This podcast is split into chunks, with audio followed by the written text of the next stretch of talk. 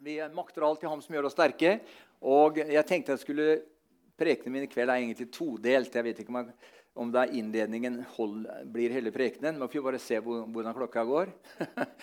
men eh, altså, jeg tenkte jeg skulle si litt om veien til Guds kraft i våre liv. Eh, og, eh, og, en innledning som handler om åndens frukt. Og det er jo nemlig sånn at på fruktene skal treet kjennes. Et eh, solbærtre bærer ikke blåbær, og et blåbærtre bærer ikke solbær. Eh, eh, vi, vi, men vi er kalt til å bære frukt. Og det fins en frukt i Guds ord som, som heter åndens frukt. Og den, det er altså en frukt som egentlig Paulus beskriver som, som vi egentlig skal være bærere av. Og når vi nå nærmer oss Jesu gjenkomstvenner, så blir det viktigere enn noen gang at vi forstår hvem vi er, eh, hvem Jesus er, og at vi lever livene våre i overensstemmelse med sannheten. Det er mer viktig enn noen gang. Og eh, Paulus sier jo det i Efesbrevet kapittel 1, fra vers 15. sier han, når han skriver til menigheten i Efesus.: Da har jeg hørt om deres tro og deres kjærlighet til alle de hellige, så holder jeg ikke opp med å takke Gud for dere, og jeg ber om at man får hjertets opplyste øyne, så dere kan få se hvor rik og hvor herlig arven er for den som eh, tror på ham. Ennå eh, brevet og sier at vi er allerede velsignet med all åndens velsignelse i himmelen i Kristus Jesus.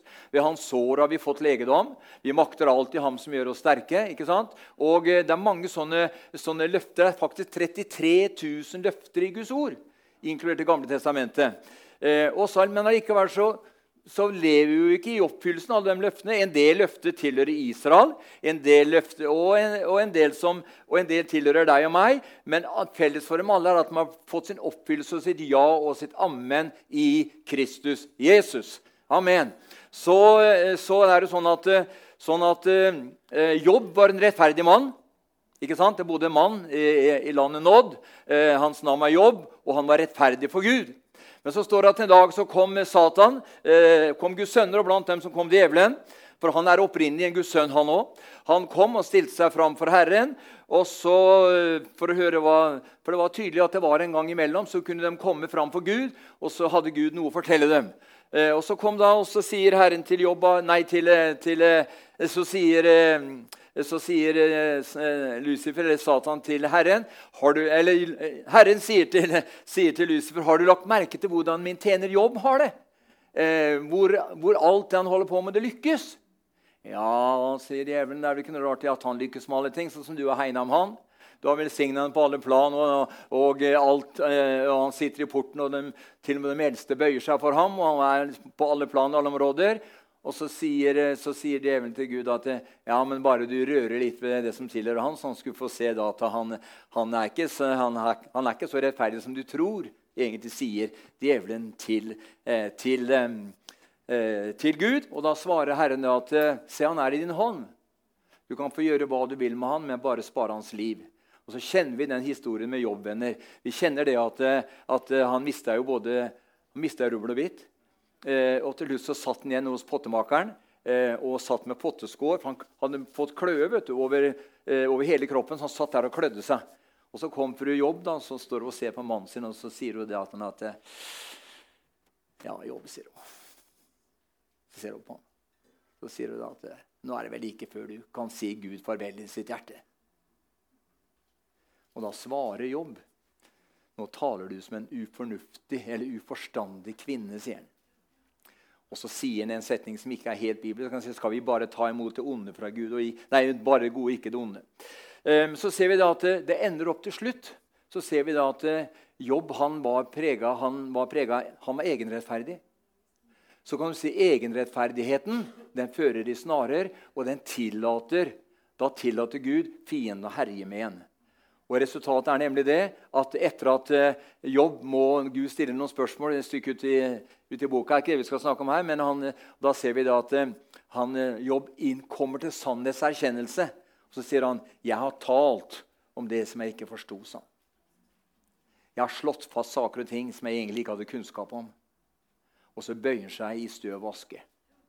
Og så sier Herren til henne nå kan du gå bort og be for de tre vennene dine. som egentlig var, Det de sa, var jo på en måte veldig fint og rett, men det var selvfølgelig en feil ånd. Men Herren måtte refse de tre vennene, da, for de hadde ikke talt rett om Herren, slik som Jobb hadde gjort. da. Og så ser vi da at Når han har bedt for sine venner, så kommer Gud og gjenoppretter Jobb. Og han får enda for godt og vel 100 år til å leve med velsignelser i mange ledd. Så er spørsmålet da at når vi sier at ved hans sår har jeg fått legedom er velsignet med all åndens velsignelse i himmelen i, i, i, Kristus Jesus. Og eh, mange andre sånne tilsvarende løfter. da. At eh, alt makter er i ham som gjør meg sterk. At uh, han, har, uh, han, har, satt oss i himmelen med ham osv. Så, videre. så vi har enorme, sterke løfter. Og hvis man lager en teologi uh, og grunner en forsamling eller en virksomhet på bare, det, på bare velsignelsene, og da kan du lage en teologi ut ifra at du er velsigna. Og det er jo en sannhet. Men man kan ikke lage en teologi eh, og en retningslinje eh, i, i, i altså Guds rike ut ifra bare det som er rett, eller bare det som er godt. For det er nemlig sånn at eh, Salme 119 sier, sier i slutten av verset der, i slutten av kapittelet at det, det er summen av Guds ord som er sannhet. Og det vil si at at hvis jeg er velsignet med all åndens velsignelse i himmelen i Kristus Jesus, og eh, ved hans sår har jeg fått legedom, og så allikevel så drøyer det med legedommen, så må jeg sjekke etter i mitt liv. Er det noe i meg som hindrer den legedommen i å flyte? Er det noe i mitt liv, i min livsførsel, som hindrer velsignelsen i å flyte? Og hvis jeg er en grådig baktaler, så kommer ikke den velsignelsen til å flyte. Hvis jeg, eh, hvis jeg, lever et liv som ikke tåler lyset, så kan ikke jeg forvente å leve i Guds velsignelse. Det er nemlig en forutsetning for at disse Guds velbehagelige løftene skal få sin overfyllelse. Det er at jeg eh, eh fungerer optimalt i sannheten og ikke tillater noen ting i mitt liv som ikke tåler lyset. For det er nemlig summen av Guds ord som er sannhet. Filippebrevet 3,10 sier Paulus, han oppsummerer der, at han får lære ham å kjenne. Kraften av hans oppstandelse, samfunnet med hans lidelser, i det vi har gjort lik med ham i hans død. Uh, så, det er, så, det er, liksom på en måte Ja, men, ja, men det står jo at hans sår har fått lekt. Ja, det er Guds løfte, det. Uh, og vi ser på Paulus. Han eh, sier jo det at eh, han hadde den derre der, eh, der, Satans engel. vet du. Han hadde en torn i kjødet. Og Jeg har hørt mange utlegninger om den torn i kjødet. Noen som mener på at, en, at han hadde en øyensykdom, noen mener at han hadde en øresykdom, og noen hadde forskjellige navn på hva slags sykdom og plagen hadde. Men Guds ord er krystallklart på hva det var. Det var det at eh, det var en Satans engel som virvla opp forfølgelse der hvor Paulus gikk fram. Som gjorde at han ble forfulgt. Og han fikk, han fikk de 39 slagene flere ganger, og, han, og en gang så slepa dem utafor byen, og han var død. Men brødrene samla seg rundt ham og ba for ham, og så fikk han åndspusten livet tilbake. Så reiste han seg opp, og så gikk han inn i byen igjen. For han sa for meg er, døden, for meg er livet i Kristus og døden en vinning. Vi ser da at eh, Paulus han, hadde, han, han, han fungerte. Er, 'Jeg er vant, jeg kan klare meg i overflod', sier han. Det har jeg opplevd også. Overflod på alle plan. Men jeg har også opplevd tider sånn, hvor det har vært eh, minus, hvor det har vært, eh, ikke vært sånn overflod. Men han takla det òg. For at, eh, ja men, ja, men, Har ikke Gud kommet for å velsigne oss? Jo, han har velsignet oss med åndens velsignelse nemlig Kristus Jesus. Og, og, og, ikke bare det, men Jesus sa tyven har kommet for å stjele, myrde og ødelegge. Men jeg har kommet for å skal liv og liv i overflod. Men allikevel så kan det være perioder i ens liv hvor man opplever på en måte at det, det bibelverset passer ikke akkurat inn i situasjonen nå. Men uansett om det ikke passer inn i situasjonen akkurat der og da, så priser vi Gud allikevel. Halleluja! Profeten Erve Mikan sier at, eh, han sier at, eh, at kornhøsten eh, slo feil, og alt var feil. Og det var ikke noe korn igjen i, i, altså igjen i kornkammeret. Men oppsummerer med Men allikevel, vi vil prise Herren! Halleluja! Og du ser Nasjonen vår venner, ikke bare nasjonen vår, men helt store deler av den vestlige verden, og ikke bare den vestlige verden, men også stort sett hele verden, lever på en livsløgn. For denne verdens fyrste har forblindet de, altså de vantroes sinn, så de ikke ser lyset ifra Guds herlighet. Halleluja! Og hvor skal de se det lyset som, som, som gjenspeiler Guds herlighet? Det skal de se gjennom deg og meg. Det hjelper ikke for meg å gå rundt i gata eller i nabolaget og dele ut traktater om at Jesus er veien, sannheten og livet, hvis jeg er den vanskeligste personen i gata. Hør hva jeg sier. Hvis jeg er den vanskeligste personen i gata som bare kritiserer og maser og bråker, og så skal jeg ta en, en gang imellom og så gå og dele ut noen traktater Jeg vil ikke ta imot den traktaten fra meg en gang. Og Det er derfor Guds ord sier la alle mennesker merke at dere er vennlige. Og Det gjelder ikke bare at vi skal være vennlige mot våre egne, men vi skal være vennlige mot alle mennesker. Vi skal være vennlige mot politikere, vi skal være vennlige mot våre motstandere. Vi skal være vennlige mot alle. La alle mennesker merke at dere er vennlige, for det er nemlig en åndens frukt. Og Vi skal se, ta en liten titt her på noen av disse fruktene her. Altså, Åndens frukt, venner, hva er det? Jo, det er altså en frukt som skal kjennetegne deg og meg etter hvert som vi lever med Jesus og lærer ham å kjenne. For vi skal, vi skal jo nemlig vokse i nåde og i kjennskap. Det betyr da at eh, den, da du blir frelst og født på ny, så er du ikke perfekt. Du er perfekt i Kristus, du har blitt en ny skapning. Men livet ditt er ikke perfekt. Da begynner selve vandringen, hvor saker og ting skal korrigeres underveis. Og du skal få lov til å vokse et, eh, i nåde og kjennskap til Han som er veien, sannheten og livet. I Galaterbrevet 5,22 er det et nøkkelvers her. Men åndens frukt er kjærlighet glede, fred, langmodighet, mildhet, godhet, trofasthet, sakmodighet og avholdenhet. Det er åndens frukt. Han sier det i 1. Korinterbrev 12 når han snakker om, eh, snakker om åndens gaver. Eh, de ni åndelige gavene, Den hellige ånds gaver. Så sier han at eh, Men så kommer det over, og så jeg skal, jeg skal vise dere en enda bedre vei. En høyere vei, en mektigere vei, en herligere vei. Og da kommer han inn på kjærlighetens vei. Og så sier han både tung, tunger og tydning og profeti. Alt det skal jo opphøre. Men det er tre ting som blir stående i all evighet. Det er tro, håp og kjærlighet. Og størst blant dem er kjærligheten. Ikke den vulgære, menneskelige utuktkjærligheten som, som, som, samfunnet dyrker fram nå, med pride og alt det andre eh, tull og tøys og fanteri de holder på med. Det er det som å, Jeg husker Gro, Gro, Gro Harlem Brundtland sang Og kjærligheten må vi jo dyrke! Ikke sant? Det som er liksom på en måte når Landsmorderen, som var med innførte abortloven i Norge ved siden av til gamle fru Stoltenberg, det var den som kjørte steinhardt på at, eh, at abortloven skulle få innpass i Norge. Og så sa det norske folket nei til EU, og allikevel så lurer de oss inn bakveien gjennom EØS-avtalen. Det er banditter! Ja uten å spørre det norske folket. Men du skjønner at Herren, Herren, følger med. og Gud talte til oss på et bønnemøte her for snart 15 år siden, en, hvor vi hadde en fredagsnatt. og Gud talte til oss og sa EU kommer til å falle. Ja.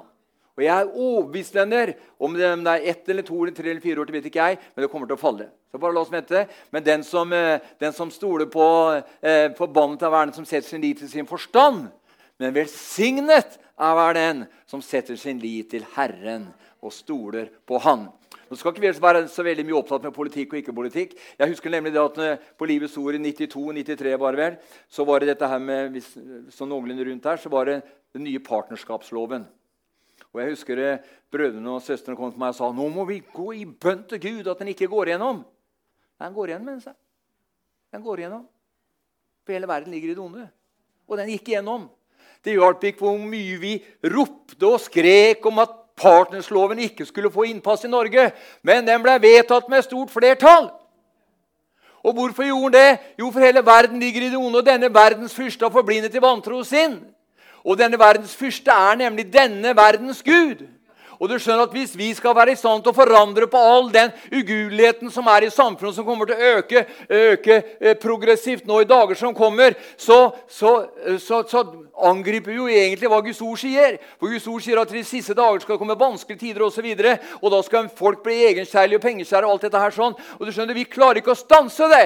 For vi skal ikke få verden til Verden er noe Gud tar seg av. Halleluja. og Derfor sier Paulus at vi skal ikke dømme dem som er utenfor, men vi kan være med å veilede og rettlede dem som er innenfor. For dem utenfor skal Gud ta seg av. Så hvis vi skal prøve å stanse alt som pågår av den negative utviklingen i landet vårt, venner, så, vi, så blir våre bønnemøter og våre bønner bare opptatt med det som har med denne verden å gjøre, og forandringen. Men vi skal være opp her. Han sa til meg etter torsdagskvelden jeg kom hjem på natten, han sa det du skal være opptatt min sønn, sånn, det er å prise meg. Det er å løfte opp mitt navn. Det er å ære meg! Det er å tilbe meg, sa Herren. Halleluja! For når du og jeg kommer sammen og begynner å tilbe og prise Gud og løfte opp det mektige navnet som er over alle andre navn, så får Gud armsleng. Det vil si at Gud får en mulighet til å virke fram det som ligger i hans hjerte.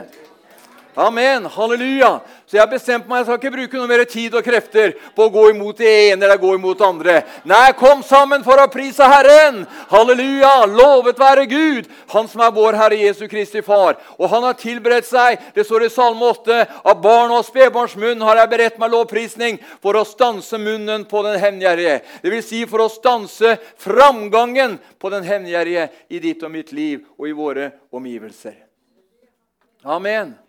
Halleluja.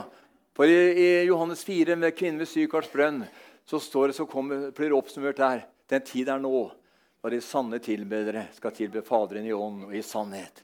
Noen var opptatt med å tilbe ja, altså, øh, øh, Jødene var opptatt med å tilbe på fjellet eh, Sion. Og øh, de der, de der samaritanerne var opptatt med å tilbe på fjellet Gorishim. Og så kom Jesus og slutt på det.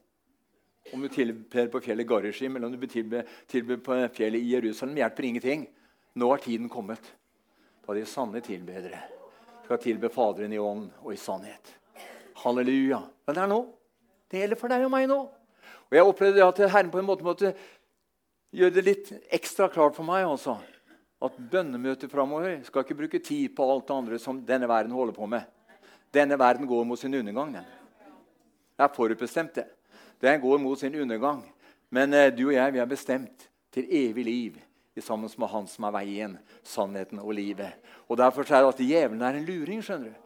Han er sånn at han får oss til å være sånn, og må vi ha bønnekonferanse mot abort. vi skal bønnekonferanse mot det, det skjønner, Bare dropp det greiene der. sånn. Du skjønner at Vi må begynne å prise ham og løfte opp hans navn. For det er når vi løfter opp hans navn og begynner å prise han, at han får en mulighet til å virke fram sine gjerninger. Amen. Halleluja. Ja, men Skal vi ikke be for myndighetene? Jo, det er en helt annen sak. det.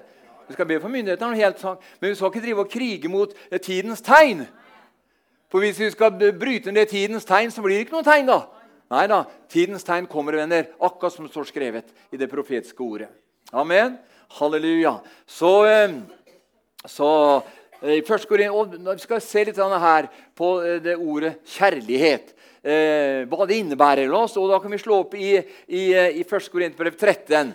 Eh, for er det noen som skriver, beskriver det der veldig godt, så er det det Paulus. I 1. Korinterbrev 13 ja, Kristian har vel straks opp her, tenker jeg. 1. Korinterbrev 13, hvor, han, eh, hvor, det står her at eh, Halleluja. For jeg vil åpne slusene for deg i dager som kommer, sier Herrens ånd. Jeg vil fylle ditt beger så det flyter over, og du skal i sannhet erfare og få oppleve at jeg er din Gud. Når du velger fra dypet av ditt hjerte å gjøre meg til herre i ditt liv, så skal du ikke behøve å mangle noen ting igjen. Du skal få se at jeg som begynte en god gjerning i deg, jeg skal i sannhet fullføre, og du skal få erfare og få oppleve at fordi du har valgt å etterfølge meg, så skal du storlig bli velsignet. For jeg vil korrigere kursen for deg underveis i Herrens ånd, og du skal i sannhet få se at den som velger å ta sin tilflukt til meg, skal ingenlunde komme på skam, men skal bli stående etter å ha overvunnet alle ting, sier Herren. Amen. Halleluja. Priset være Herrens navn. Amen. Det var eh, 1. Korinterbrev 13.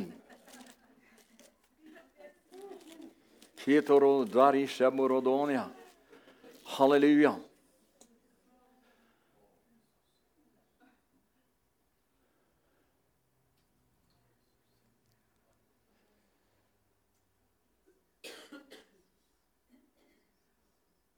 Det er det som er 1. i 13, og fra vers 4. Kjærligheten er tålmodig, er velbillig. Den misunner ikke, skryter ikke, den blåser seg ikke opp. Den gjør ikke noe usømmelig, søker ikke sitt eget, blir ikke bitter. Glemmer ikke, gjemmer ikke på det onde. Den gleder seg ikke over urett, men gleder seg ved sannhet. Den utholder alt, tror alt, håper alt, tåler alt. Eller utholder alt. Og så, Det var egentlig Paulus sin oppsummering av hva kjærligheten er, egentlig. Nå skal vi ta oss litt av en tid, venner. Du har sikkert, ja, sikkert Vi refererer til og med Tony Blair refererte 1. Korintsbrev 13 når han, prekte, når han holdt en tale en gang i Underhuset borti, borti Storbritannia i forbindelse med en, en spesiell situasjon. Så han refererte han til, til 1. Korinterbrev 13. Og, eh, og, det er jo et, er jo et, eh, et vers som eh, Eller et, et kapittel som, som, har enorm dybder i seg. På en måte venner, så er det et formanende kapittel. Ja. Tålmodighet. Hva betyr det at når man vandrer i tålmodighet? Jo, det fører ganske enkelt Man blir ikke utålmodig da. Det er jo motsatt. Tålmodighet er motsatt av utålmodighet. ikke sant? Man lærer seg nemlig ved tålmodighet å være utholdende. Vi ser f.eks. det i, i Hebreerbrevet kapittel 6, vers 13-15. For det står det For da Gud gav Abraham løfte hvor han ved seg, svor ved seg selv ettersom han ingen større hadde å sverge ved. Og så sa han, 'Sannelig, jeg vil rikelig velsigne deg og storlig mangfoldiggjøre deg.' Og da han dermed hadde ventet tålmodig, oppnådde han det som var lovet. Oppnådde han det som var som Gud hadde lovet. Så tålmodighet det er en jeg, fra når jeg var født, så sa mamma da at jeg var veldig utålmodig. da. Og det har jeg vært kanskje opp gjennom hele, mer eller mindre hele livet. Men siste året har jeg måttet lært seg tålmodighet. da. For at Abraham han, han, han, han ventet tålmodig. Han var 75 år da han fikk løftet. Og, og, og, vi så at Isak kom når han var 100. Det tok 25 år. Um, og eh, det neste ordet var egentlig vennlighet. da. La alle mennesker merke at dere er vennlige, sier Filippebrevet 4, vers 5. Herren er nær, sier han. Så kan du si vennlighet er en åndens frukt. Jeg husker Som nyfrelst var det dame som kom og sa til meg at, og sa det at du skjønner, det er ikke bare bare, sa hun. I, i altså Guds menighet. De der folka der hater jeg, sa hun. Pinsemenigheten. Og jeg tenkte, Hva er det du sier, jeg? Hater du dem? Jeg tenkte ikke mer på det, så gikk jeg med leste ordene til den som hater sin bror. Eller den som ha, han er en manndraper. Om sådan er forutskrevet til det, sier Paulus. Sådanne skal ikke arve Guds rike. For nå altså nummeret inn, altså Neste skritt etter å hate noen, det er at du, det er død. Du ønsker dem død. Det er drap. Ikke sant? Og da er du plutselig, ut ifra eh, åndelig te, altså terminologi, da er du blitt en manndraper. Så hatvenner er livsfarlig. Men du og jeg vi skal velsigne dem som hater oss. Vi skal be for dem som forfølger oss, osv. Og, og det er der selve utfordringen i kristenlivet ligger. For vi, vi vil gjerne ha kristenlivet på en slik måte at det, vi, liksom, vi kjenner, at vi skal kjenne, kjenne, i vår sjel at det, Ja, så er det en som fikk Ja, der fikk en. Det er godt jeg venta på. Ja, ikke sant? Der fikk hun. Det er godt jeg venta på. Appa til pasto. Ikke sant? Vet du at det da er en feil holdning i mitt liv. Det er ikke noe frukt. Det er ikke noe, frukt, det er ikke noe åndelig frukt, det. Nei. Så vennlighet, venner skal jeg ta fort igjen meg. La alle mennesker få merke at dere er vennlige. Herren er nær. Og så er det misunnelig, da. Den er ikke misunnelig. Har det noen som har vært misunnelig noen gang? Det har sikkert vært alle sammen, mer eller mindre. Men misunnelse, venner, er avgudsdyrkelse. For misunnelse det handler om det som det står i 1. Samuel 18. Vi ser at David og Saul de sa at de hadde vært på slagmarken. Så ser vi da at eh, så begynte kvinnene inne i, inn i byen å synge da, at uh, Sau slo tusener, men David slo titusener. Hva var det som skjedde da? Da kom det opp misunnelse i Saul sitt hjerte. Og fra da så la Saul David for hat. Han så ikke, Og det hatet var så kraftig at han så etter en anledning til å ta livet av ham.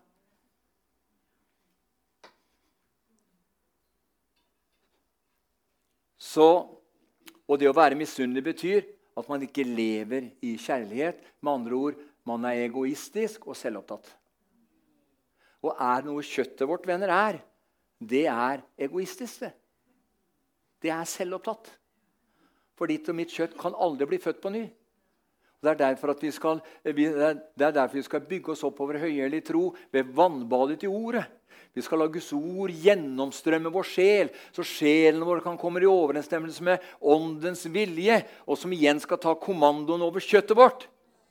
Og det er derfor Paulus sier at 'jeg dør hver dag for eders skyld i Kristus Jesus'. Paulus hadde et kjøtt som gjerne ville reise seg, og det har du og jeg også. Eller har vi ikke det? Jo, vi har et kjøtt som ikke vil un underordne seg, men det er du og jeg som må ta i tu med det. Ikke sant? Jeg må si til, si til kjøttet mitt 'ti!' og vær stille. Ja. Bøy deg. Underordne deg. For det vil ikke underordne seg. skjønner du.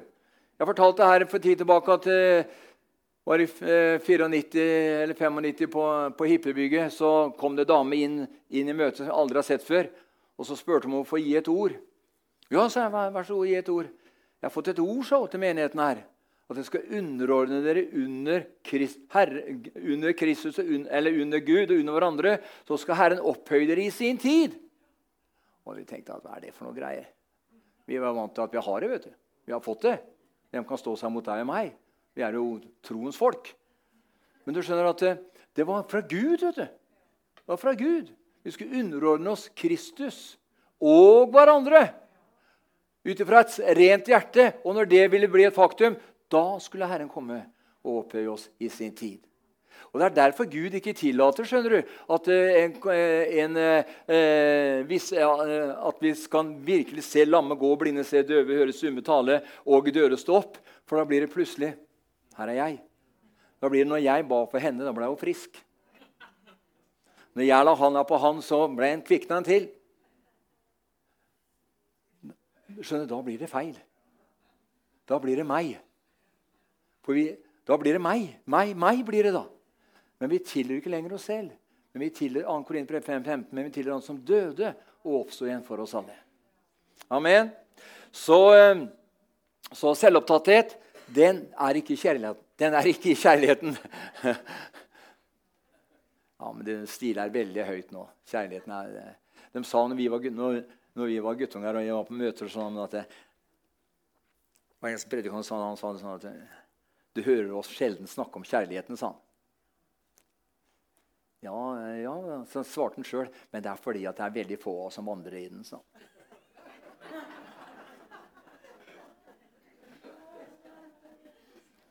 Det var ute i Skjeberg. Det er veldig få som vandrer i dem. Den, det var en sannhet, vet du. Men vi makter alltid ham som gjør oss sterke. ikke sant? Ikke sant? Men, eh, men det er jo så det med rustningen vet du. Jeg tenkte på det med rustning. Vi skal ikle oss Guds fulle rustning. Vi skal ikke drive og ta av den på hver dag, vel? Ikke sant? Har du ikledd deg Guds rustning, så har du ikledd deg Guds rustning. Og rustningen blant annet har jo mange eh, Man kan ikke lage en, en statisk eh, forklaring på, på, rustningen ut fra Efesbrevet 6. For at skjoldet vårt det skal vi slukke alle fiendens brennende piler med. Men det står også om at Herren har også vårt skjold. Han beskytter oss. Så kan du si disse her, eh, har forskjellige oppfatninger i forskjellige situasjoner. Og du skjønner, jeg tror faktisk, faktisk er det sånn at eh, den sterkeste form av rustningen som du og jeg kan ikle oss, det er å ikle oss Guds fulle kjærlighet. Og gudsfrykten den er nyttig. Den legemlige fostring er nyttig til noe, men gudsfrykt er nyttig til alt. Og det forteller meg at eh, Når du og jeg begynner å vandre i hellighet og i gudsfrykt, hva som skjer da? Da blir vi farlige for fienden. skjønner du. Her ligger, det. Her ligger en dybde som Gud vil ha oss inn i nå, før han kommer igjen. Jeg tenkte på å våkne på morgenen. Nei, jeg våkna morgenen, våkna klokka seks om morgenen, men jeg lå i senga etter klokka ti. Videre. Og da, da jeg tenkte på at, at, at, at hva, hva, var det Herren liksom sa til, ny, til meg som nyfrelst? Han sa at jeg skal skru på kraften i full styrke like før jeg kommer igjen, sa. Og jeg tror venner, at vi nærmer oss den tiden nå hvor det liksom ikke lenger handler verken om deg eller meg, men det handler nemlig om han som døde og oppsto igjen for oss alle. Amen. Ja, men meg, da? Ja, men Det er ikke noe med deg. Du tilhører ikke lenger deg sjøl lenger. Det er jo Herren som bestemmer kursen i ditt liv. Hvis du har gjort ham til herre, da. For det står at Jesus sa dere kaller meg herre, men allikevel så gjør dere ikke hva jeg sier. Og det betyr, det betyr i klartekst at han ikke var dømses herre. For hvis Jesus er min og din herre, så gjør vi hva han ber oss om å gjøre. Er det ikke sånn? Her? Hvis arbeidsgiveren sier til deg gå bort og så eh, fiks det der, der sånn, nei, det, nei. Ja, jeg skal gjøre det, men så, men så gjør det ikke likevel. Nei, du skjønner at vi må, da, vi må lære oss å handle i overensstemmelse med det Den hellige ånd viser oss. Og hvis vi lever i ulydighet Er det mange kristne som lever i ulydighet? Ja, det kan vi gjøre sjøl, hver og en. Jeg har eh, gjort det mange ganger også. Vært ulydig. Og så venter vi ja, men jeg må ha en ny åpenbaring av Gud nå. Nei, Gud venter på at du og jeg utfører det første han ba oss om å utføre. Og det er Derfor er ikke, skal vi ikke la oss lure av verken den ene eller den andre. For djevelen kan kle seg om til lysets engel, og han kommer og sier sa han til Eva, ja, har Gud virkelig sagt det, Eva? sa han. Han var hyggelig òg, skjønner du. Har han virkelig sagt det? Nei. Ja, Men sånn er djevelen, skjønner du. Han er en tusenkunstner. Men han som er en millionkunstner, han bor ved troen ditt i mitt hjerte. Amen. Halleluja. Så, Og neste var at den skryter ikke.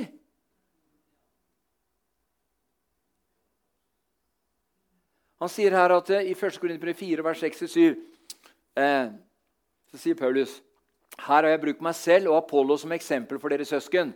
Av oss skal dere lære å ikke gå utover det som står skrevet.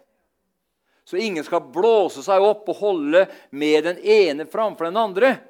Hvem har satt deg høyere enn andre? Hva annet har du enn det du har fått? Og har du fått noe, hvorfor skryter du av som det ikke var en gave? Jeg fikk det til, jeg. Nei, du fikk ikke det i det hele tatt. Det er jo skrytet. Altså, den ydmyke får nåde. Det gjaldt på Jesu tid. Det gjelder i dag også. Den stolte kan du gå helt tilbake eh, til den gamle pakt. Den stolte står Gud imot. Så hvis vi ønsker å være stolte personer ja, men Vi er et stolt folkeslag. Ja, men det er jo greit. Men, altså det, men, i forhold til Gud og forhold til hverandre så er det en ydmyke som får nåde. Den stolte får Gud som fi, sin fiende, og den stolte står Gud imot. Og den stolte kan ikke vinne seier. Hvem har satt deg høyere enn andre? Hva annet har du enn det du har fått? Ja, jeg skjønner, jeg har arbeidet og slitt noe kraftig. Jeg har bedt fire timer i døgnet. Jeg har stått opp klokka fire og bedt fra fire til klokka seks. Jeg har fasta to ganger i uka osv. Han sa det, han ene eh, i tempelet der. Han, eh, han, han, han der eh, eh, jøden Nei, han, eh, han eh, fariseeren. Men han der, han bak der, sånn. Han er drittsekk, han sa. Det er det han egentlig sa. Men så sier Jesus det. For han bak sa, 'Herre, vær meg synder nådig', sa han. Og så sier Jesus, hvem han fariseeren gikk skyldig ut, mens derimot den som satt bak der, som ikke turte å gå helt inn, han gikk rettferdiggjort ut av tempelet. For Det er nemlig sånn at den ydmyke gir han nåde. Halleluja. Priset være Herrens navn. I eh, oppblåsthet. Oppblåst. Det er ikke så ord eh, som skriver i Dagbladet VG om oppblåst. Jo, man kan bruke det hvis, at det, hvis det er en hval som er funnet langs stranda, var den oppblåst. liksom. Hadde liksom magesekken blåst opp, liksom, for det kommer luft. Den var oppblåst. liksom. Da kan du finne sånne ord som, som oppblåst. liksom. Men altså, i Habakuk 2, vers 4 står det Se i ham er det en oppblåst og uærlig sjel men den rettferdige skal leve ved sin troskap. Se ham er den oppblåste og uærlig sjel, men den rettferdige skal leve ved sin troskap. Så oppblåsthet, venner, det er ikke kjærligheten.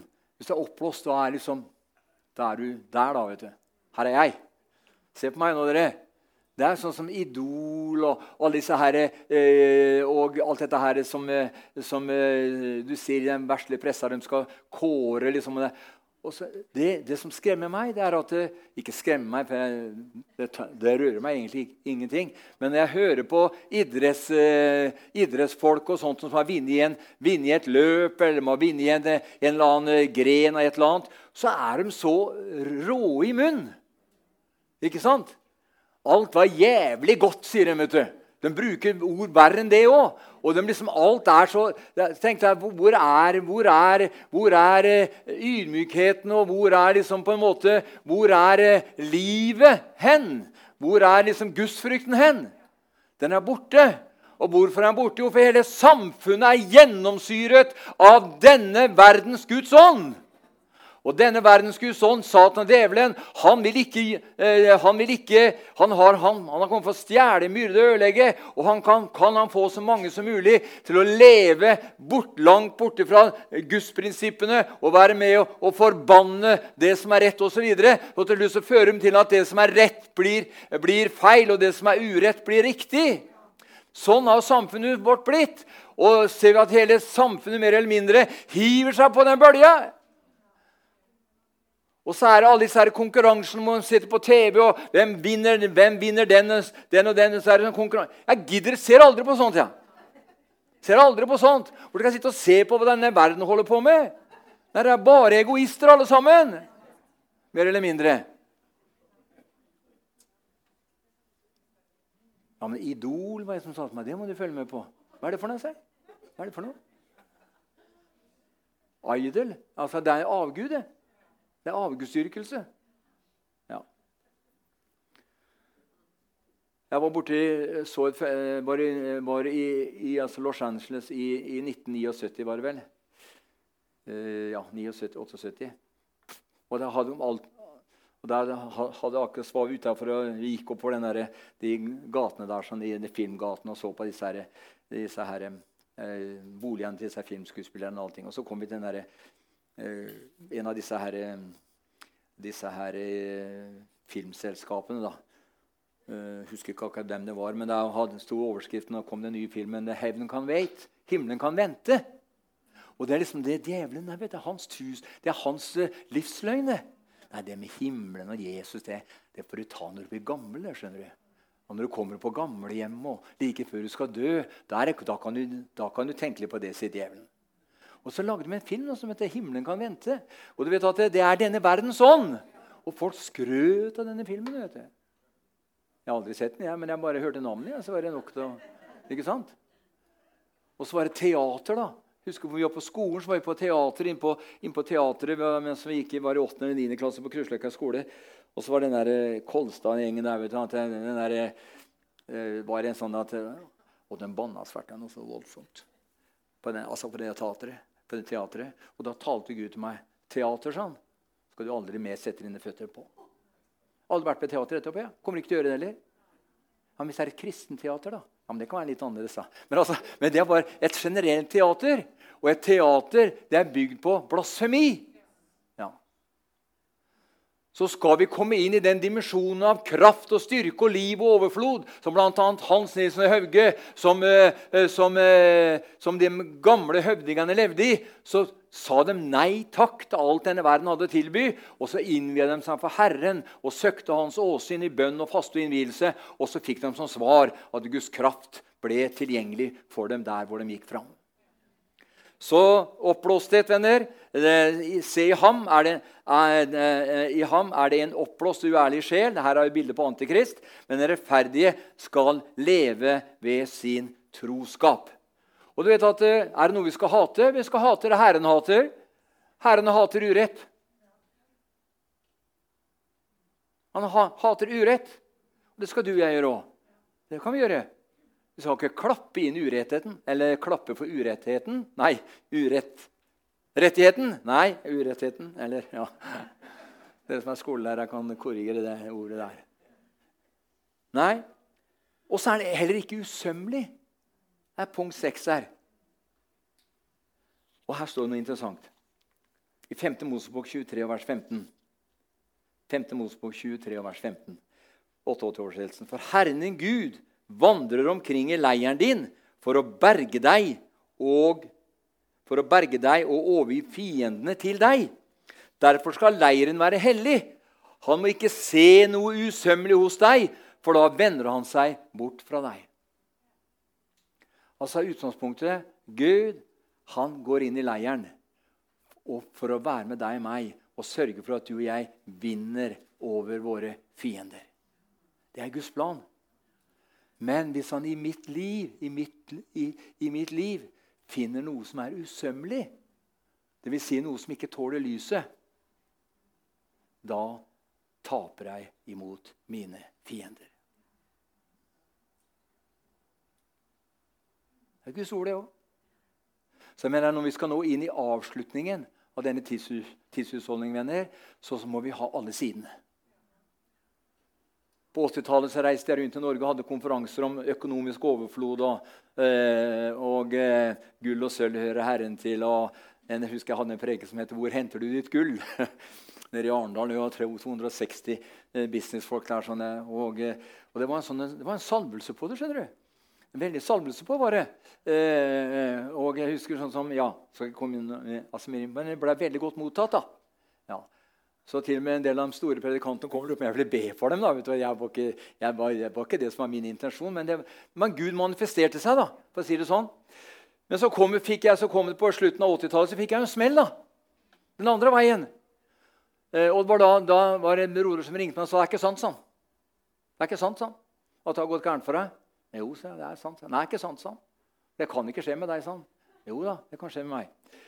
Og... Eh, og eh, så tenkte jeg på fire dager før jeg ble frelst. Så gikk jeg på et møte en torsdagskveld, Rolf, broren min og jeg. Og eh, helt på slutten av møtet Vi har kalt deg Gud vi har kalt deg Gud hele høsten 74. Vi hadde jo vært med som guttunger. da. Men alle på et eller annet tidspunkt, selv om du er med som guttunger, og, og helt opp til 13-14 år, så kommer du til det punktet i livet ditt hvor du dør åndelig. For alle har syndet og fattet Guds ære. vet du. Men la de barna komme La de små barna komme til meg, for sådan hører, hører Guds rike til. De hører Guds rike til. Inntil en dag de i sitt hjerte kan skille mellom godt og vondt. Og det er klart at når jeg kom opp i, tenåra opp i ungdomsalderen, så, så, trodde jeg fortsatt på Gud. Men jeg var åndelig død. Det vil si at jeg var ikke en ny skapning. Og eh, høsten 74 så bare kjente jeg at jeg måtte bli frelst. Jeg måtte bli frelst. Jeg bare visste at nå er tiden for meg til å søke Gud. Og eh, så den, eh, Torsdag den 16. januar da, i 75 så dro broren min og jeg ut, eh, ut på Betania, ute, ute, ute ved, ved, stasjonsbyen. Så jeg ringte til en onkel av meg som, og, og, en annen kamerat av han igjen som jeg spurte seg, vi vil gjerne gå på et møte, men hvor skal vi gå hen? Så sier han nei, da er det vanskelig å anbefale noe sånt, for det er jo så tørt og elendig overalt. Sånn. så, så det, det, var Men det, jeg har hørt det skal være litt liv igjen ute i, stasjonsbyen. Sånn. Og så dro, Etter vi hadde stengt butikken om kvelden, så dro Rolf og jeg ut her. Da. og så satte vi oss der på, på møtet, og det var juniormusikken som sang. Og de sang den sangen at eh, 'Piken tre står i blommer'. Eh, denne, denne, sangen der. Og det var, eh, det var eh, Kai Andersen som leda juniormusikken der. Og så var møtet slutt, og vi satt helt Og plutselig så spredte Kai opp på plattforma. vet du. Jeg visste ikke han het Kai, for det var første gang vi satte våre bein der. Og Så begynner han å profetere. Så sier han følgende, helt ordrett jeg sier nå. Du unge mann som har kommet inn her i kveld. Det er ikke deg selv du har kommet hit inn, men det er min ånd som har dratt deg hit i kveld. Og dersom du er villig og lydig og tar imot mitt navn til frelse, så skal jeg Herren storlig velsigne deg. Og alt hva du gjør, skal du ha lykke til, så frem til ditt hjerte forblir hos meg. Og Jeg bare kjente det brant i mitt hjerte når, han, når Kai eh, talte ut den profetien. Og på mandagskveld den 20. Da, på kvelden da, så tok jeg mot Jesus og ble frelst og født på, født på ny, både broren min og jeg. Og så har jeg tenkt på, for Han refererte det skrift, den profetien. han som ringte meg, så det er ikke sant, sånn. For du fikk jo, det, fikk jo den hilsenen. sånn. Og så har jeg tenkt, jeg grunna mye på dette på at, at, at, at, når ting gikk jo veldig bra Vet, det står at når du, blir, eh, når, du, når du, kommer inn i landet og du får overflod av alle ting, og alt mulig, så pass deg så du ikke glemmer Herren din Gud. Så kan, jeg, ikke si, jeg kan ikke si at jeg var fortsatt frelst født på ny og gikk på møter. og alt dette her, sånn var ikke det. Men det kan hende at det, mest sannsynlig så kom noe inn i mitt liv. da, som, eh, som eh, Eller jeg kom kanskje litt hovmod og litt sånn stolthet, mest sannsynlig. Eh, innser det nå som gjorde det at, eh, at det på en måte eh, det gikk feil. Og eh, så gikk det mange år. Så her for noen år siden så, så, så talte Gud til meg og sa at det kommer en tid sa da du igjen skal begynne å forkynne og tale om Guds økonomi i Guds rike. For nå er du i stand til det, sa han. For nå har du nemlig opplevd å lykkes og mislykkes. Når du har opplevd begge sider, så kan du være med og balansere forkynnelsen. Ja, men det var dårlig eh, ordforråd inn i, inn i, inn i trossammenhengen. Nei, men du skjønner at vi lever, Mennesket lever ikke av brød alene, men av hvert ord som går ut fra Guds munn. Og Det er nemlig det handler om helheten i evangeliet. Det er to sider ved evangeliet. Ja, minst. ja, Det er, det er helheten. Vi må ha med alle sidene. Derfor sier Paulus jeg har holdt ingenting tilbake. Men jeg har forkynt dere hele Guds råd til frelse. Eller til redning, til bergning, betyr det egentlig. Så det, så det forteller meg venner, at eh, når du og jeg kommer i den posisjonen som Gud har forutbestemt at du og jeg skal komme i, da er det ingen grenser på hvordan, hvor mektig Gud kan åpne de himmelske slusene. Halleluja. For du skjønner, Det kommer en tid i dette landet, og jeg fikk et ord av Herren for flere år siden. Dette her at Det står om, eh, altså det står om Josef.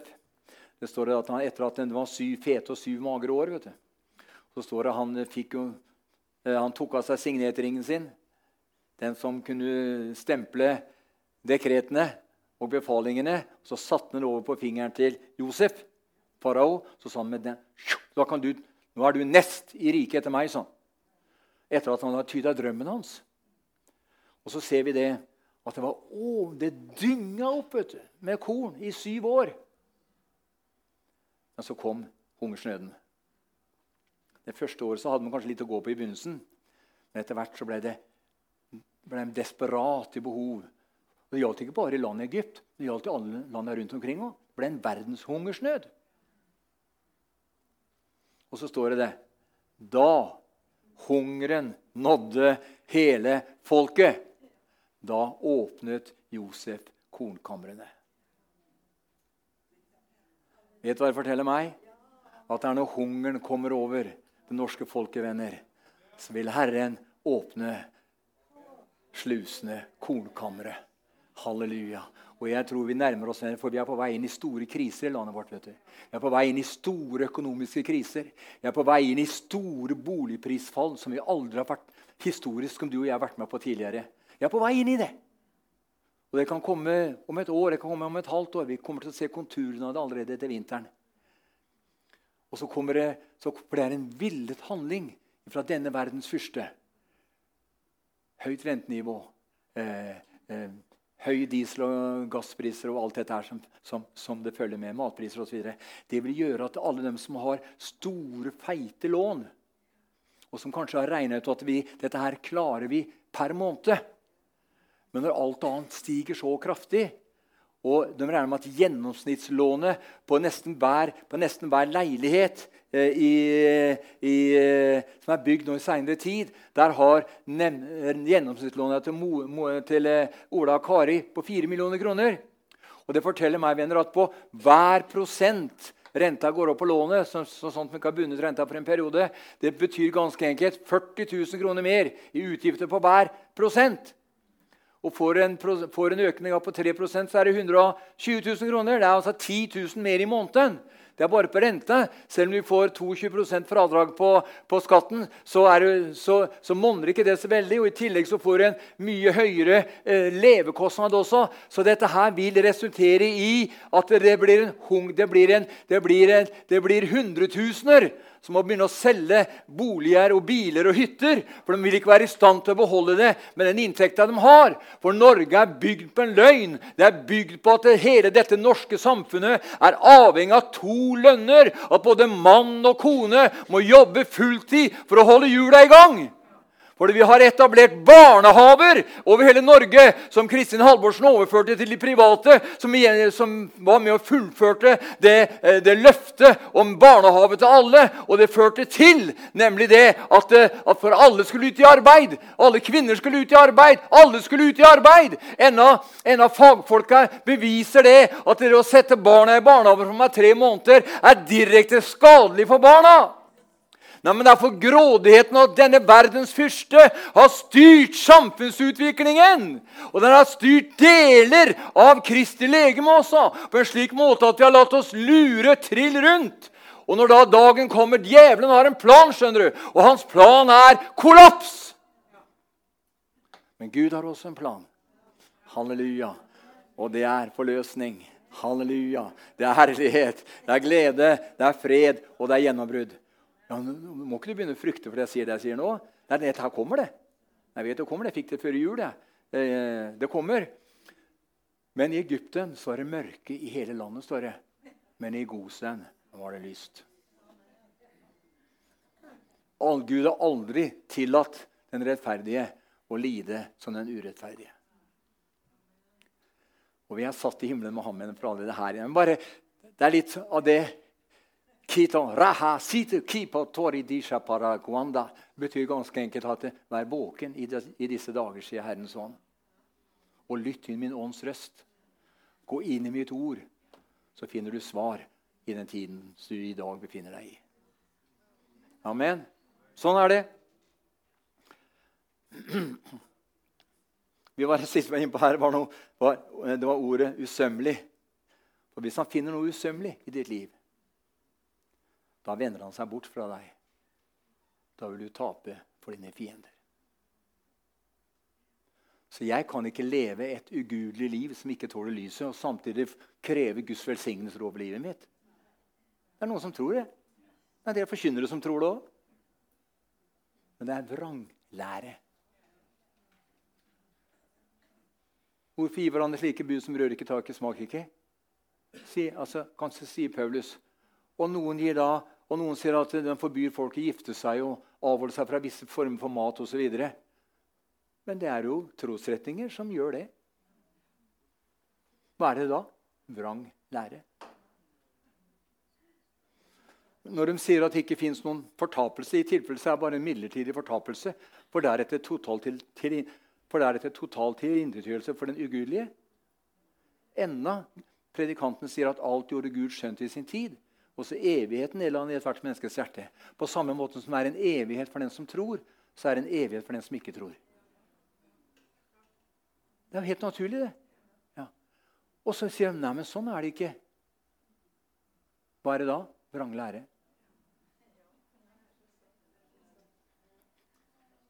Og er det noe vi trenger i dag, venner, så trenger vi å lære ham å kjenne og kraften av hans oppstandelse.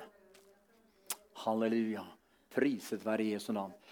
Neste var 'søker ikke sitt eget'. Det står i Jakob 1, 14-15 Den som blir fristet, lokkes og dras av sitt eget begjær. Og når begjæret er blitt svangert, føder det synd. Og når synden er moden, føder den død. Kjærligheten gjør ikke det. Kjærligheten gjør ikke det. Den søker ikke sitt eget. Og Jesus sa et nytt bud gir dere, dere skal elske deres neste som dere selv. Ikke sant? Altså det vil si at Da setter han seg ikke først, først eh, Da setter han seg ikke sjøl først i, i, alle ting. Nei, da setter han sin neste først i alle ting. Det er som jeg leste fra Esaias 58 her, her en dag, at, eh, at eh, når du gir bort selv det du har lyst til, og så roper på Herren Det er den faste jeg har behag i var vel Sigmund som leste ut her på SR, noen som leste SR 58 her. Og, da, og, da, og når du da roper Herren, så kan han svare Se, her er jeg. Se, her er jeg. Det er klart Jeg pleier å ta det eksempelvis. Jeg kom, pleier, å, eh, pleier også å, å forklare det på den måten at hvis du er veldig glad i kokt skinke og så, så er, Men så har du også servelat med melk. Nei da, du har reservelat. Og så, så, får du besøk, da. Og så skal du sette fram Så setter du fram, så setter, så setter du fram servelaten, vet du. Ikke sant? Nei, Du må sette fram det du sjøl har lyst til. Du, har lyst, du liker å koke skinke. Ja, men Sett fram den kokte skinka, da. Så kan du spise servelaten sjøl etterpå. Ja. Altså, vi, vi, må, vi, må, lære oss Vi må gi vi må, vi må, det, Kjærligheten Ikke sant? Vi må være med og gi det beste. Det er klart, Hvis jeg har en indrefilet liggende i fryseren, og så får jeg en ubuden gjest som skal lage en kjøttmiddag, men så har jeg også ei, ei bibringe liggende der, så tenker jeg at jeg tar bibringa. Ja. Og så lager jeg noe kjøtt ut av den. Nei, nei, men da, da, da nei, for jeg tenkte jeg skulle gjemme den indrefileten. Den skal jeg ha sjøl en annen gang. Vi må prøve å forstå Guds ord praktisk. Kjærligheten den gir bort det beste først. For hvis du gir bort en, eh, setter fram indrefileten da, vet du, så kan det hende at neste uke så får du en hel pappeske med indrefilet. Ikke sant? Halleluja. Det er bare for å, for å illustrere i det naturlige. Ja. Halleluja. Men så står det neste, da, nummer åtte, da, i der, eh, første 13. Den lar seg ikke opphisse, står det. Han hisser seg ikke opp. Vi mennesker kan, kan jo til tider ha lett for å hisse oss opp. Kan vi det? Ja, vi kan det. I Efesbrevet 4, vers 31 så står det all slags bitterhet. Eh, Kristian, eh, Efesbrevet 4, 31. All slags slutt med 2011 år siden, slutt med all hardhet og hissighet, med sinne, bråk, spott og all annen ondskap. Altså, det står her ser du at Hissighet er på lik linje med hardhet, med sinne, med bråk, med spott og all annen ondskap. Det er samme kategori. Det er det han sier det er samme kategori. Men kjærligheten lar seg ikke opphisse. Vi kan hoppe til neste. Punkt 9. Den tenker ikke ut noe vondt. står det tenker ikke ut noe ondt. Hva betyr det? I Jakob 4,11 står det Tal ikke ondt om hverandre. Mine brødre, sier Jakob. Den som taler ondt om en bror eller dømmer en bror, han taler ondt om loven. Og dømmer loven. Men dersom du dømmer loven, da gjør du ikke hva den sier, men setter deg til doms over den. Det er en veldig alvorlig sammenligning, da. Men den er sannferdig. Den tenker ikke ut noe vondt. Den tenker ikke ut noe vondt. Jeg husker Vi som guttunger bodde på Alvim, så, så, hadde vi sett en sånn, vært og sett på en sånn cowboyfilm. Så gjerne på fikk liksom En gang i uka så dro vi opp til, opp til Sarpsborg og så gikk på Sentralteatret. For der var gjerne cowboyfilmer. Og så så vi det fra en sånn cowboy-indianer her, og så hadde de laget sånne dyrefeller. vet du. De gravde liksom et hull i bakken og så la de noen tynne grener og noe gress over. vet du. Så det kom en elg eller et dyr som skulle fange, så tråkka her, så datt den ned i hullet. vet du. Så tenkte vi som var guttunger, vi var bare åtte-ti år vel, så tenkte vi får lage sånne feller, vi òg. På den andre sida av Yvendalen, du hadde den lille Yvendalen og store Yvendalen. Den store Yvendalen var på den andre siden av, av, av altså jernbanen. Der på den sida hvor, hvor, eh, hvor den der, Amfiborg ligger. Nedenfor det er en sånn vanndam. Og Så går det, uh, går det, litt sånn, og så går det opp til, opp til jernbanen. Sånn, og så går det ned. Den, den første var Lilleyvenderen, og over jernbanen så var det Storyvenderen. Og, og dit fikk vi ikke lov til å gå. Men uh, når vi var unger, da, for da at vi kunne passe for tog og sånn, uh, ikke sant? Så var det sånn at, uh, Men på veien dit da, så bestemte vi oss for det var en sånn sti som gikk der. Så gravde vi sånne høler, da. og så la pent, pent, pent med gress og sånn over, da. Og så går en, en dag, vet du. så er det han som bor i naboblokka. Opp, for Han pleide å gå og fiske han, skjønner du, der nede. For det var veldig mye sånn karpefisk der. Og så hadde han gått på en stien, og så hadde han dette der, og så hadde han brekt beinet. vet du. Eller Han har fått en skade i beinet. da. Og han lurte veldig på, jeg husker at det ble en, Vi gravde aldri noen sånne høler en gang til. Men jeg mener at Han datt i den høla, vet du, for vi hadde liksom sett på filma de fanga dyr. Vi tenkte kanskje at det kom ja, Det var som unger. Åtte-ni år var vi, tenker jeg da. Men vi lagde jo sånn felle, da. Eller sånn jordfelle. Den tenker ikke ut noe vondt. Var, vi tenkte ikke ut noe vondt, men dette her, den der eh, hølet vi lagde, den ble til noe vondt. da, Uten at jeg kan bruke det gudsordet her på det. Men vi skal ikke tenke ut noe vondt om hverandre. Fortelles om det var en, var en, eh, en, som sa en gang til en person jeg håper du kjører deg i hjel ennå. Altså, folk kan få stryta sitt og si veldig mye. Og det Jeg hadde en kunde på Fristemaken som sa bestandig sånn at hadde den stryta der sånn, sittet på en gris, hadde ikke grisen vært etende. sånn.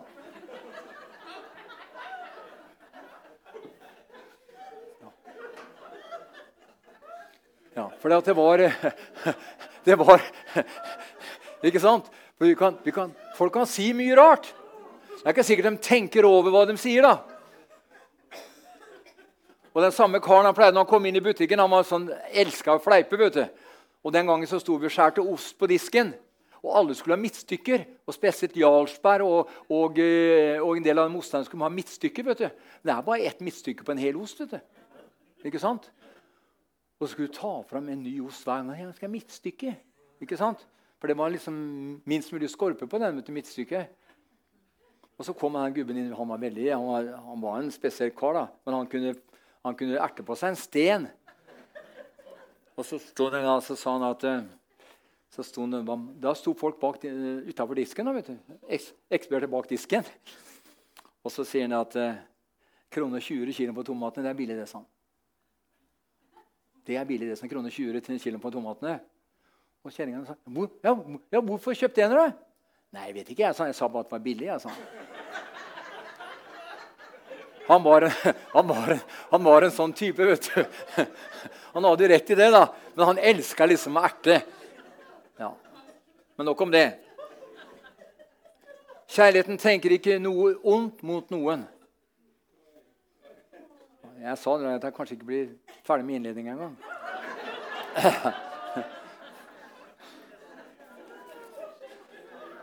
Men vi er ikke det, er ikke det under, under, under, det regelverket. Jeg takk og lov for det.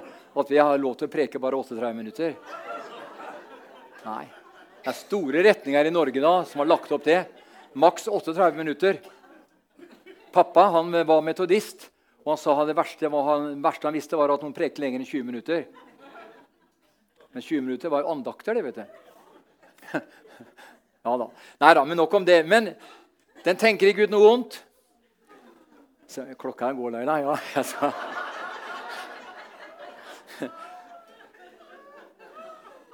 Men så står det neste her at den tiende, tiende delen i 1. Korinter 13 der, den gleder seg ikke over urett. Johannes 5, 17.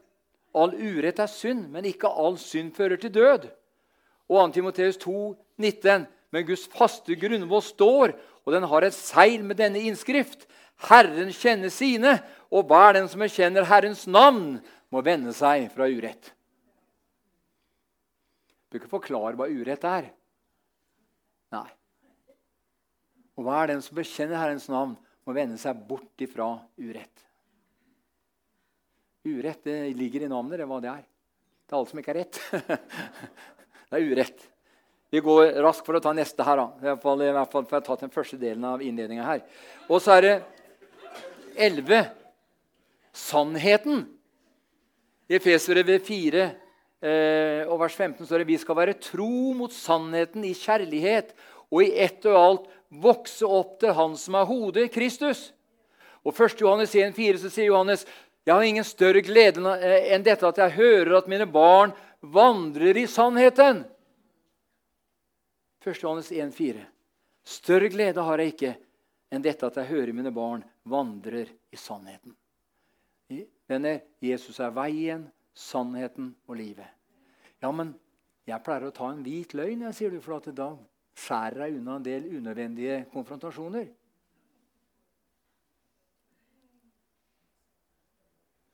Men da vandrer man ikke i sannheten.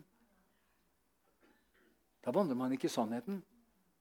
For Jesus han er veien, sannheten og livet. Halleluja. Vil ikke si noe mer om det. Neste var den, den tolvte ingrediensen der. Tåler alt. 2. Peter 2,20 sier at om dere tåler straff når dere har gjort noe galt, er det det noe å rose dere for. Men har dere gjort det som er rett, og så holder ut når dere må lide, da er det godt i Guds øyne. Denne kjærligheten tåler alt. Altså Når Jesus ble håna Han tok aldri igjen. Han tok aldri igjen. Det kom en, eh, det kom en, eh, en sladrehank til Kenneth Hagen senior en gang og sa at eh, du, sa, jeg må fortelle deg litt om han, han predikanten der. sånn. Han har mye svinn på skogen. du sa. Skal jeg fortelle deg en del, en del av hva slags svinn det er? sånn? Så titta Hegen på han og sa du broder, sa han, jeg vet hvem denne mannen er. sånn. Og han har gjort mye godt. Han sa. Han ville ikke høre. Han ville ikke høre. Du skjønner, Da kom han inn i en annen dimensjon av livet med Kristus. Jeg har trolovet dere med én mann, sier Paulus, med Kristus og bare med Han. Men jeg frykter, sier han, at på samme måte som slangen dåret Eva, så skal den samme slangen dåre en del av dere. Og dere skal falle ut fra den oppriktige hengivenheten til Herren. Halleluja. Og Det er det som ble så sterkt for meg etterpå av torsdagsnatt her. Nemlig det at eh, tiden har kommet for å bare lovprise ham. Prise ham, ære ham og tilbe ham. De kom til bønnens time, står det. Det var én time. Og så leste jeg om det der står med i Getsemane, når Jesus sa Klarte dere ikke å be med meg i en time? sånn. Og da var, den, da var den timen det var bønn og lovprisning. Bønn og lovprisning. Ja, men Skal vi ikke be for med hverandre på, bønnemø eh, på bønnemøtet? Nei. Det er det vi skal gjøre på møtene. Da.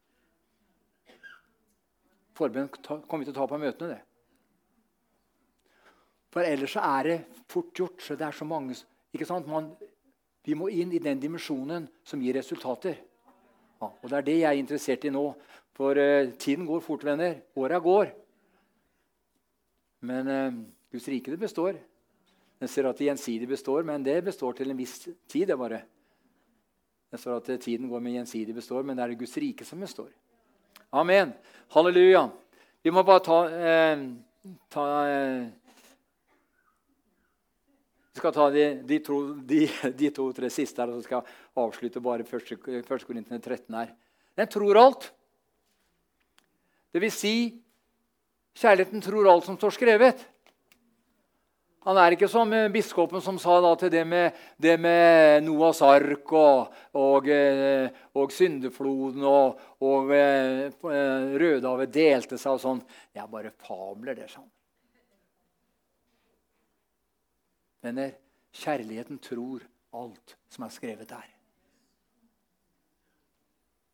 Den tror alt. Og så håper den alt også. Den tror alt som er skrevet.